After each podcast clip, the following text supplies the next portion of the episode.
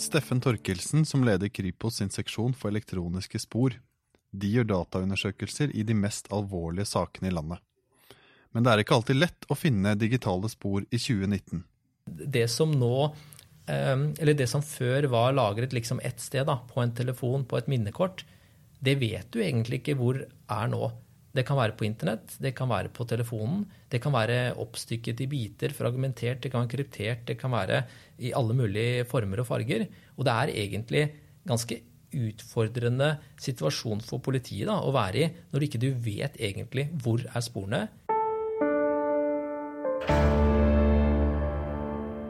Velkommen, Steffen Torkelsen. Tusen takk. Du leder seksjon for elektroniske spor på Kripos, som ligger under NC3. En seksjon um, som er veldig i vinden, som er veldig digital, veldig um, etterspurt. Kan du kjapt, ett og et halvt minutt, hvem er dere, hva gjør dere? Ja, det kan jeg gjøre. Vi er jo en uh, gjeng da, sivile dataingeniører. Veldig kompetente og engasjerte. Og vår oppgave er å løse de mest avanserte og tekniske oppdragene i uh, politiet. Eh, som du kan tenke deg. Vi hjelper til i eh, politisakene med å sikre elektroniske spor fra mobiltelefoner, datautstyr og elektronikk. Og på eh, seksjonen så har vi et veldig avansert data- og elektronikklaboratorium hvor vi jobber med det vi får inn fra disse sakene. Så vi, vi programmerer nye dataverktøy, vi kan gjenskape sletta data fra minnebrikker, vi knekker koder. Det må vi gjøre for å få ut dataene. Og eh, det er på mange måter eh, kanskje den moderne kriminalteknikken som eh, vår seksjon eh, jobber med. Så det er litt sånn som når James Bond eller Batman skal liksom ned til eh, I James Bond, da ned til Q og liksom se hva er det siste nye han har ordna for meg, sånn at jeg kan eh, ta skurkene. Det er dere på Kripos? Helt klart, det er oss. Hvordan ser det ut opp hos dere?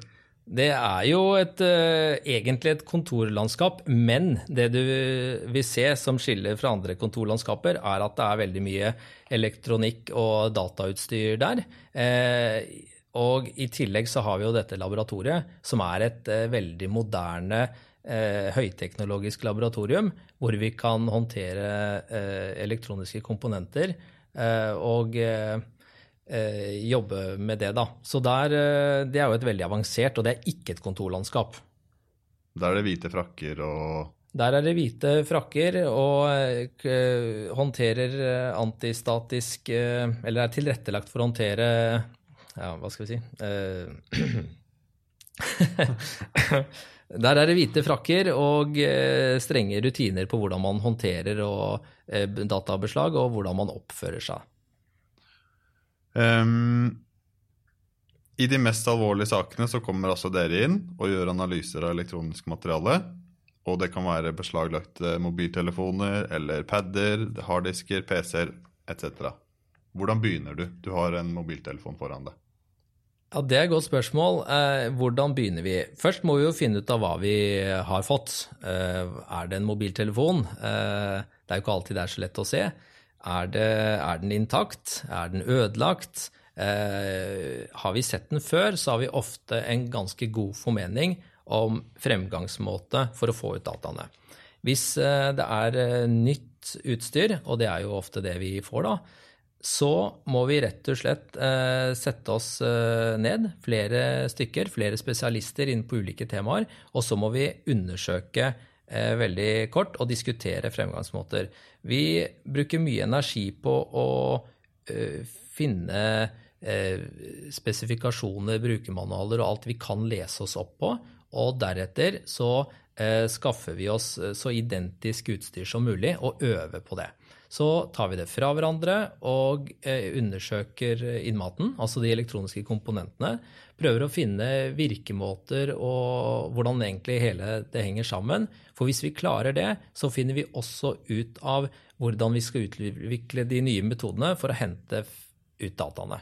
Ofte så kan det jo være sikkerhetsmekanismer. Det kan være mange hindre på veien for oss, men det er derfor vi eh, er en gjeng veldig kreative mennesker eh, for å gå løs på dette.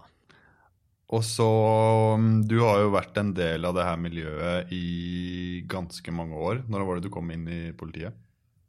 Jeg kom inn i politiet i 2002. Så det er jo 17 år siden, da. Kan du si litt om hvordan ditt fagfelt har utvikla seg i løpet av den tida? Ja, de siste, si siste 15 årene, da, så har utviklingen vært eh, helt enorm. Um, du, før internett begynte å ta av, så var egentlig de fleste sporene begrenset til eh, telefonsamtaler og tekstmeldinger. Bruk av datamaskin sånn isolert sett. Eh, liksom hvilke Word-dokumenter var skrevet, eller Word Perfect, eller hva het det den gangen. Og bruk av kredittkort. Det var liksom de elektroniske sporene før internett. Eh, det var egentlig få som hadde kompetanse og kunnskap til å håndtere dette i politiet. Men til gjengjeld så var det jo vesentlig enklere enn det er i dag. Og det var også få saker som eh, hadde sånne elektroniske spor. Men observert gjennom politiets briller da, og vår seksjons eh, erfaring og de sakene vi har, så vil jeg si at internett og smarttelefonen representerer kanskje to veldig store milepæler med tanke på hvordan det har påvirka eh, omfanget og nye typer elektroniske spor. Det har eksplodert egentlig mangegangeren, og teknologien da, i disse årene har jo blitt mye mer utbredt og utilgjengelig. Det er blitt billigere å produsere det. Det er blitt raskere eh, for en, eh, altså til å produsere Eh, disse store mengdene data. Og det er mer avanserte oppgaver eh, som kan håndteres av dette utstyret. Og liksom eh, utbredelsen Altså, det er en Det er overalt. Og det er egentlig elektroniske spor har gått fra å være relevant i få straffesaker til nå å være egentlig svært viktig for nesten all type kriminalitetsbekjempelse. Og i det så er det jo en multidimensjonal eksplosjon. Og det er særlig to hovedutfordringer som jeg har eh, fått med meg. Eh, og det er egentlig den første Det er de tekniske hovedutfordringene jeg egentlig snakker om da. og Det er hvordan håndterer man det store volumet av elektroniske spor og elektronisk lagret informasjon i det hele tatt i eh, straffesakene og politiets arbeid. Det er nåla i høystakken? Ja, det er nåla i høystakken. En ting er å håndtere den voldsomme mengden, og så skal du finne nåla i tillegg. da. Eh, og den andre problemstillingen er jo egentlig hvordan du skal sikre de elektroniske sporene bak kryptering og avanserte eh, beskyttelsesløsninger. Altså PIN-koder, mønsterkoder, kryptering, passiv, hva det måtte være. Men da enten om det er i den fysiske telefonen, eller om det er lagret i skyen. Og det er det som nå Eller det som før var lagret liksom ett sted, da, på en telefon, på et minnekort, det vet du egentlig ikke hvor er nå. Det kan være på internett, det kan være på telefonen, det kan være oppstykket i biter, fragmentert, det kan være kryptert, det kan være i alle mulige former og farger. Og det er egentlig ganske utfordrende situasjon for politiet da, å være i når ikke du vet egentlig hvor er sporene, hvilken kompetanse trengs for nøyaktig det sporet eh, for å få innhentet det. Og eh, ja, i det hele tatt. Det er teknologiutviklingen som er som har gått eh, i et voldsomt tempo. Du sa kryptering der. Er det kryptering er det liksom deres store fiende, eller den eh, største bøygen å komme over i sakene, syns du? Det har ikke vært alltid sånn, men nå er kryptering eh, noe av hovedproblemet, for å si det sånn. Hovedutfordringene i de oppdragene vi får. Eh, inn på seksjonen. Det er, eh, det er jo sånn at eh, i dag så er kryptering, altså beskyttelse av dataene, da, det er implementert i elektronikken også. I operativsystemet, i appene, egentlig i alle lagene. Så, så Og du kan på en måte det å angripe selve krypteringen og algoritmene, det, det er liksom en, det er en veldig sånn teoretisk øvelse. Veldig vanskelig og i mange tilfeller umulig. Eh, det handler om å hoppe over gjerdet der det er lavest, og det handler om å være kreativ i tilnærmingen. Det er ofte sånn at eh, implementasjonen av denne krypteringen, altså hvordan den er laget av utviklerne, kan være feil. Det kan være svakheter som, eh, ikke, som ikke er kjente. Og det er på en måte det å komme forbi og rundt dette. Samtidig så kan jo eh, Samtidig så kan man jo få tak i passord og beskyttelseskode på mange måter, da. Og politiet har jo ulike metoder for det. Men når alt er prøvd, og man sitter kun igjen med en eh, law safe, da ringer de oss. Men når dere kommer over gjerdet der det er lavest på en type kryptering, da er det bløtkake, og så ringe til alle politivennene deres i utlandet og si vi har tatt den koden. Ja, eh, det er jo egentlig litt sånn, da. Nå er det sånn at eh, for hver eh, type beskyttelse vi tar, eller nye type elektroniske utstyr og mobiltelefoner vi kan sikre for politiet, det er klart det er stort. Også en del av det utstyret, det beslaget dere får inn, er jo ødelagt bevisst eller uh, ubevisst, holdt jeg på å si. Um, hvordan går dere fram hvis dere får en telefon som er helt brent, eller uh, en harddisk som uh, har ligget i, i saltvann i, i, mange uker? Defekte beslag, eller defekt elektronisk utstyr, er Altså, det handler jo om å klare å identifisere de små komponentene som inneholder dataene. Det er jo dataene som er relevante for oss. Og da, i, i den grad de ikke er ødelagte, altså brent eh, opp, eh, borte, eh, skutt i stykker, spist opp, så er, så er det jo håp. Hvordan går vi frem?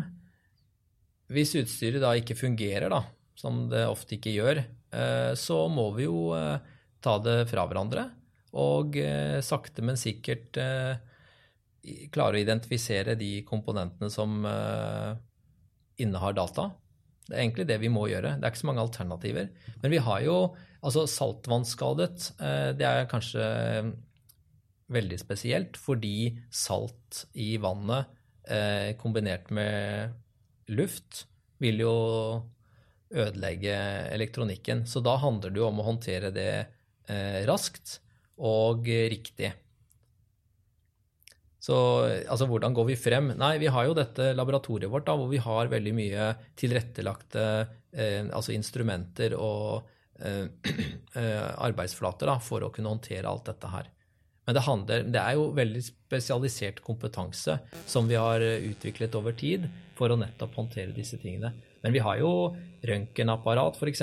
Et røntgenmikroskop som vi kan eh, se inni ting eh, på et veldig lite eh, på en liten skala for, for, å inspisere før vi åpner ting. Vi har avanserte lasere som vi kan sakte, men sikkert komme oss inn i ting. altså det er mye spesialutstyr for å håndtere det fysiske databeslaget. Men utfordringen er jo vel så stor å håndtere dataene i etterkant. Klare å forstå hva er det vi egentlig har her. Hvordan få denne store klumpen med nuller og enere til å bli noe som kan eh, brukes videre og forstås av politietterforskerne. Så det er jo vel så stor eh, utfordring, egentlig. Men vi er jo veldig glad i, vi er veldig glad i sånne kuriositeter, da, sånn faglig sett. Mm. Men du har en del eksempler på kriminelle som har forsøkt å destruere, ødelegge telefonene sine, og så kommer etter dere, og så klarer dere å finne et eller annet, eh, noen meldinger og noen bilder der likevel? Ja, altså det finnes mange historier eh, på det, egentlig.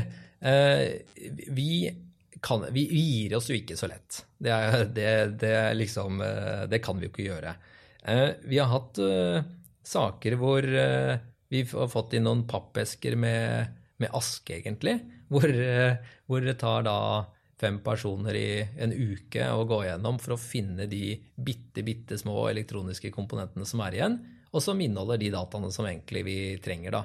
Det er jo en eh, interessant affære. vi har eh, Ja, vi har eh, Det er flere kriminelle som har i ren desperasjon eh, forsøkt å ødelegge, knuse, kaste, spise opp alt mulig rart, eh, de lykkes egentlig aldri med det. Vi er for gode. Det er bra.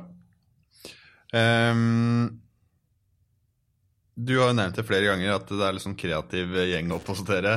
Men kan du gi noen eksempler på hvordan den kreativiteten gir seg utslag i konkrete straffesaker og etterforskninger?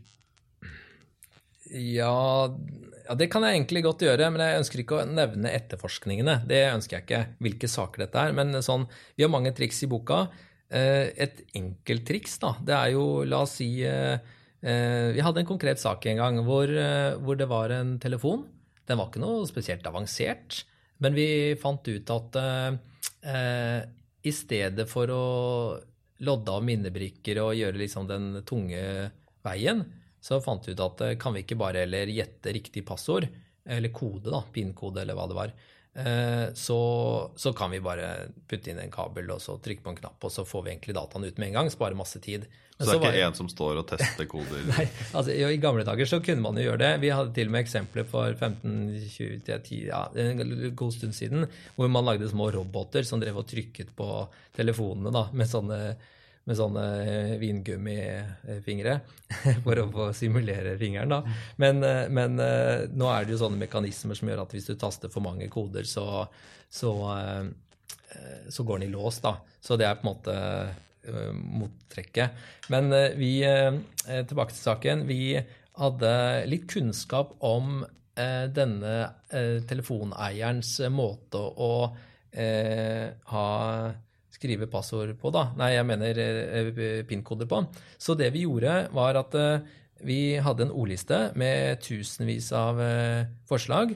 Og i stedet for å på en måte bare prøve én etter én av disse forslagene, som da vil ta lang tid, så kanskje fant vi ut at nei, men eh, kan vi ikke heller sortere den ordlisten da, på en slik måte at det ordet som er mest sannsynlig er brukt, det kommer øverst. Og måten vi gjorde det på, det var at vi tenkte at eh, disse knappene på telefonen, det var liksom eh, tallknapp nummer én, det var da ABC. Altså tall nummer to, det var da eh, DIF, altså disse gamle telefonene. Så tok vi og tok ord gjorde, i ordlisten og gjorde om til disse tallkodene. da, Og så sorterte vi det etter ord som var eh, mest sannsynlige. Og når vi kjørte i gang den ordlista der og prøvde å trykke disse kodene, så tok det egentlig bare noen minutter, og så traff vi faktisk, da. Og det var jo veldig kvalifisert, da. Eh, det er en litt sånn kreativ eh, tilnærming. Hvis du er usikker på om dette er en god strategi for nettopp den saken om telefon, så må du ikke gjøre det fordi da går det jo i lås. Ettertid så regnet vi ut hvor lang tid det ville ta, da, gitt at telefonen ikke gikk i lås, eh, hvor mange forsøk eh, vi måtte ha eh, basert på ordlistene og sånn, og det tok elleve år. Så vi da effektiviserte vi jo da fra elleve år til under en time. Da var vi veldig fornøyd, da.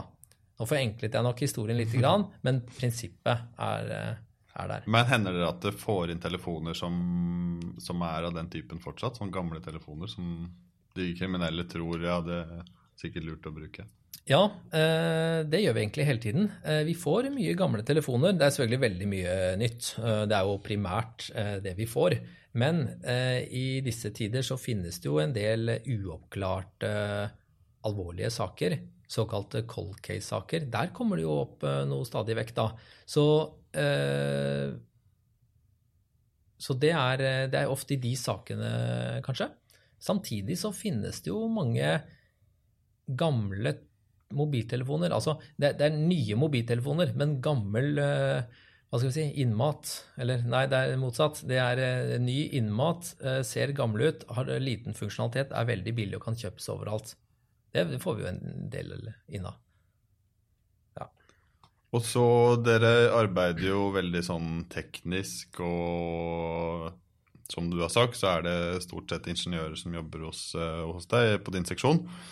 Men sakene dere jobber med, er jo veldig alvorlige, og det er jo ofte liksom, sterke skjebner og store tragedier. Hvordan preger det arbeidshverdagen?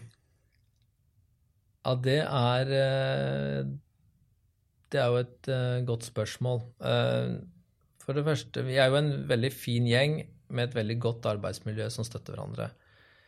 Eh, egentlig så tror jeg vår arbeidshverdag ikke er så ulik alle andres. Eh, men den er naturligvis veldig alvorstynget, da. Og eh, det er liten tvil om at arbeidsinnsatsen vår er viktig for de enkeltmenneskene og andre. Så motivasjonen vår for å gjøre en grundig og god jobb, den er helt klart veldig stor. Og det bidrar også til at vi ikke gir oss så lett da, med å finne løsningene på oppdragene. Og med sånne saker så yter vi nok litt ekstra hele tiden. Og i pågående saker så er vi jo særdeles skjerpet, egentlig. Um, det, det, er eh, Men det krever jo at vi støtter hverandre. Og når noen av oss har stått i alvorsprega vanskelige saker, så, som de har kommet veldig tett på. Det Kripos sine verdier er jo bl.a. å være tett på, men da også med lagånd. Så det føler jeg nok at vi eh, klarer ganske greit. Og liksom på seksjon for elektroniske spor så har vi jobbet med over 1500 straffesaker de siste 15 årene. Og det er eh, ca. 6000 databeslag som vi har hatt innom laboratoriet vårt, og som vi har jobbet på. Og det er i all hovedsak Norges mest alvorlige straffesaker vi snakker om. Men det er lett å få et veldig sånn blasert forhold til dette også. Og vi får nok litt avstand til egentlig de tragediene som er bak her, når vi jobber teknisk. Men vi har stor forståelse for alvoret, og vi behandler jo selvfølgelig sakene deretter. For det er jo sånn det viktigste kanskje for de pårørende og de som er rundt, er jo hva var det som skjedde? Hvorfor og hvorfor skjedde det? Ja. Og da sitter jo dere ofte på en unik uh, innsikt, da. Helt klart uh, gjør vi det. Uh, så, men vår del av dette jobb, Vår del av jobben er jo egentlig å hente da ut disse dataene, og så overleverer vi og tilrettelegger vi det for politietterforskerne. Som nok i større grad må gå inn og tolke dataen og se hvilken betydning de har hatt for saken, da. De, alle de sakene dere får, kan du si litt om hvordan de fordeler seg? Hva slags type saker det er? Ja, det kan jeg. Det har nok eh, historisk sett endret seg litt, men eh, de siste årene så er det blitt eh, ca. en fjerdedel eh, av eh, draps- og svært alvorlige voldssaker. Det er en fjerdedel med seksuelle overgrep, voldtekter og seksuallovbrudd generelt. Det er en fjerdedel med grove narkotikaforbrytelser, altså ofte de mest alvorlige. Og så den siste fjerdedelen er egentlig alt annet. Det kan være alt fra ran til datakriminalitet til, til Ja, hva skal vi si? Terror? Terror også, eh, helt klart.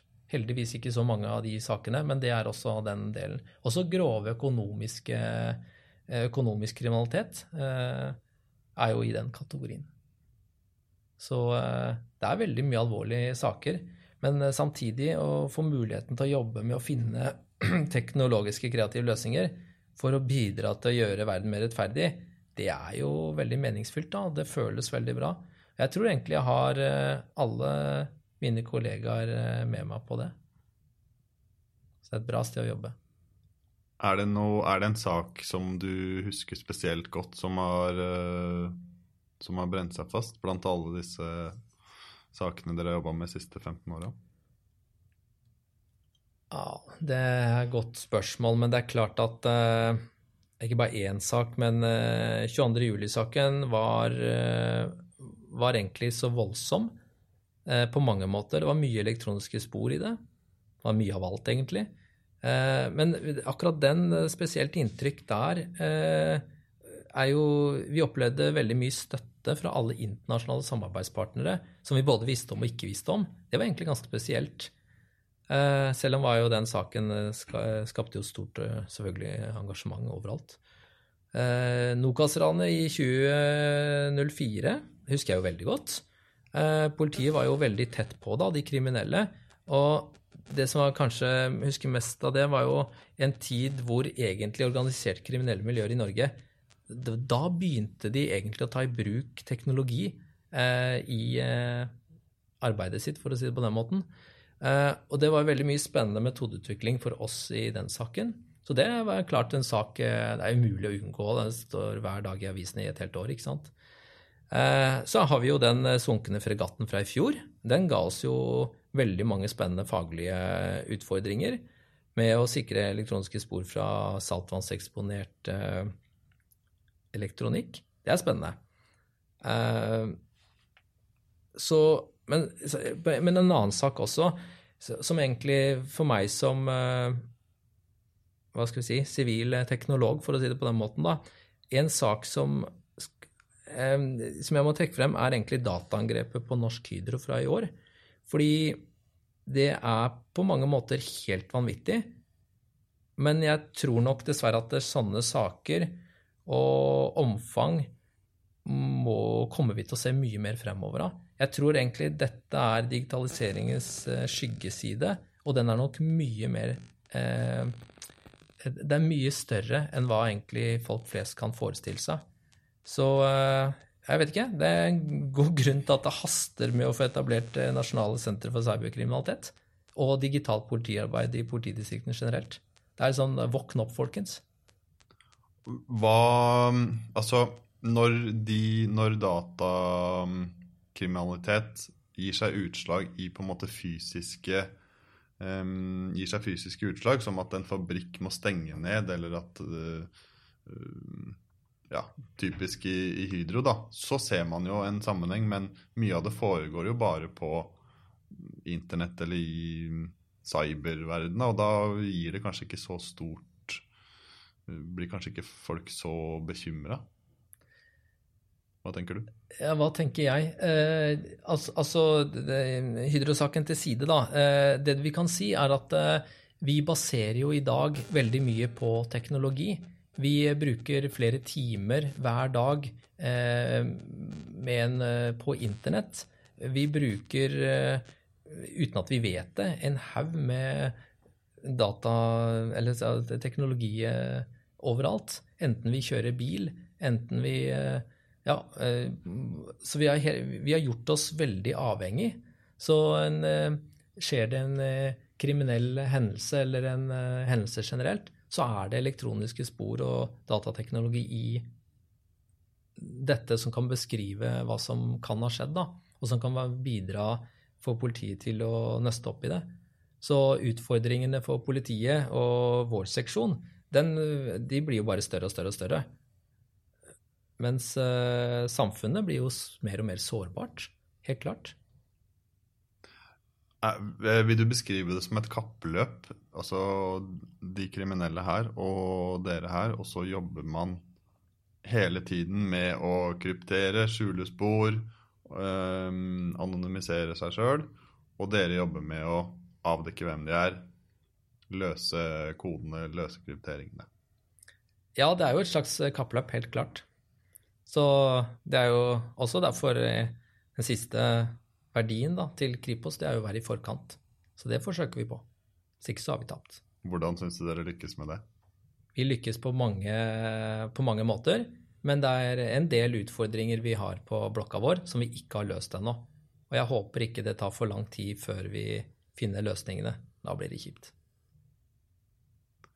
Um, kan du komme på noen saker der dere på seksjon for elektroniske spor har vært inne og gjort en jobb som har vært eh, avgjørende for utfallet i saken? Jeg har egentlig ikke lyst til å trekke fram enkeltsaker, men eh, av de 1500 sakene da, som vi har hatt de siste 15 årene, så er det mange saker som har hatt mer eller mindre avgjørende betydning. Det er det. Ikke alle, for all del. Men uh, det vi ofte ser, uh, ser, er jo når dommen kommer, da. Så pleier vi å lese i dommen, og så ser vi hvor stor del av dommen omtaler elektroniske spor eller elektronisk lagret informasjon som uh, stammer fra undersøkelsene våre. Så på den måten så kan vi jo ofte få bekreftet av hvilken betydning det har hatt. Og det er en del saker, det, altså. Tror jeg stopper, eh, stopper der.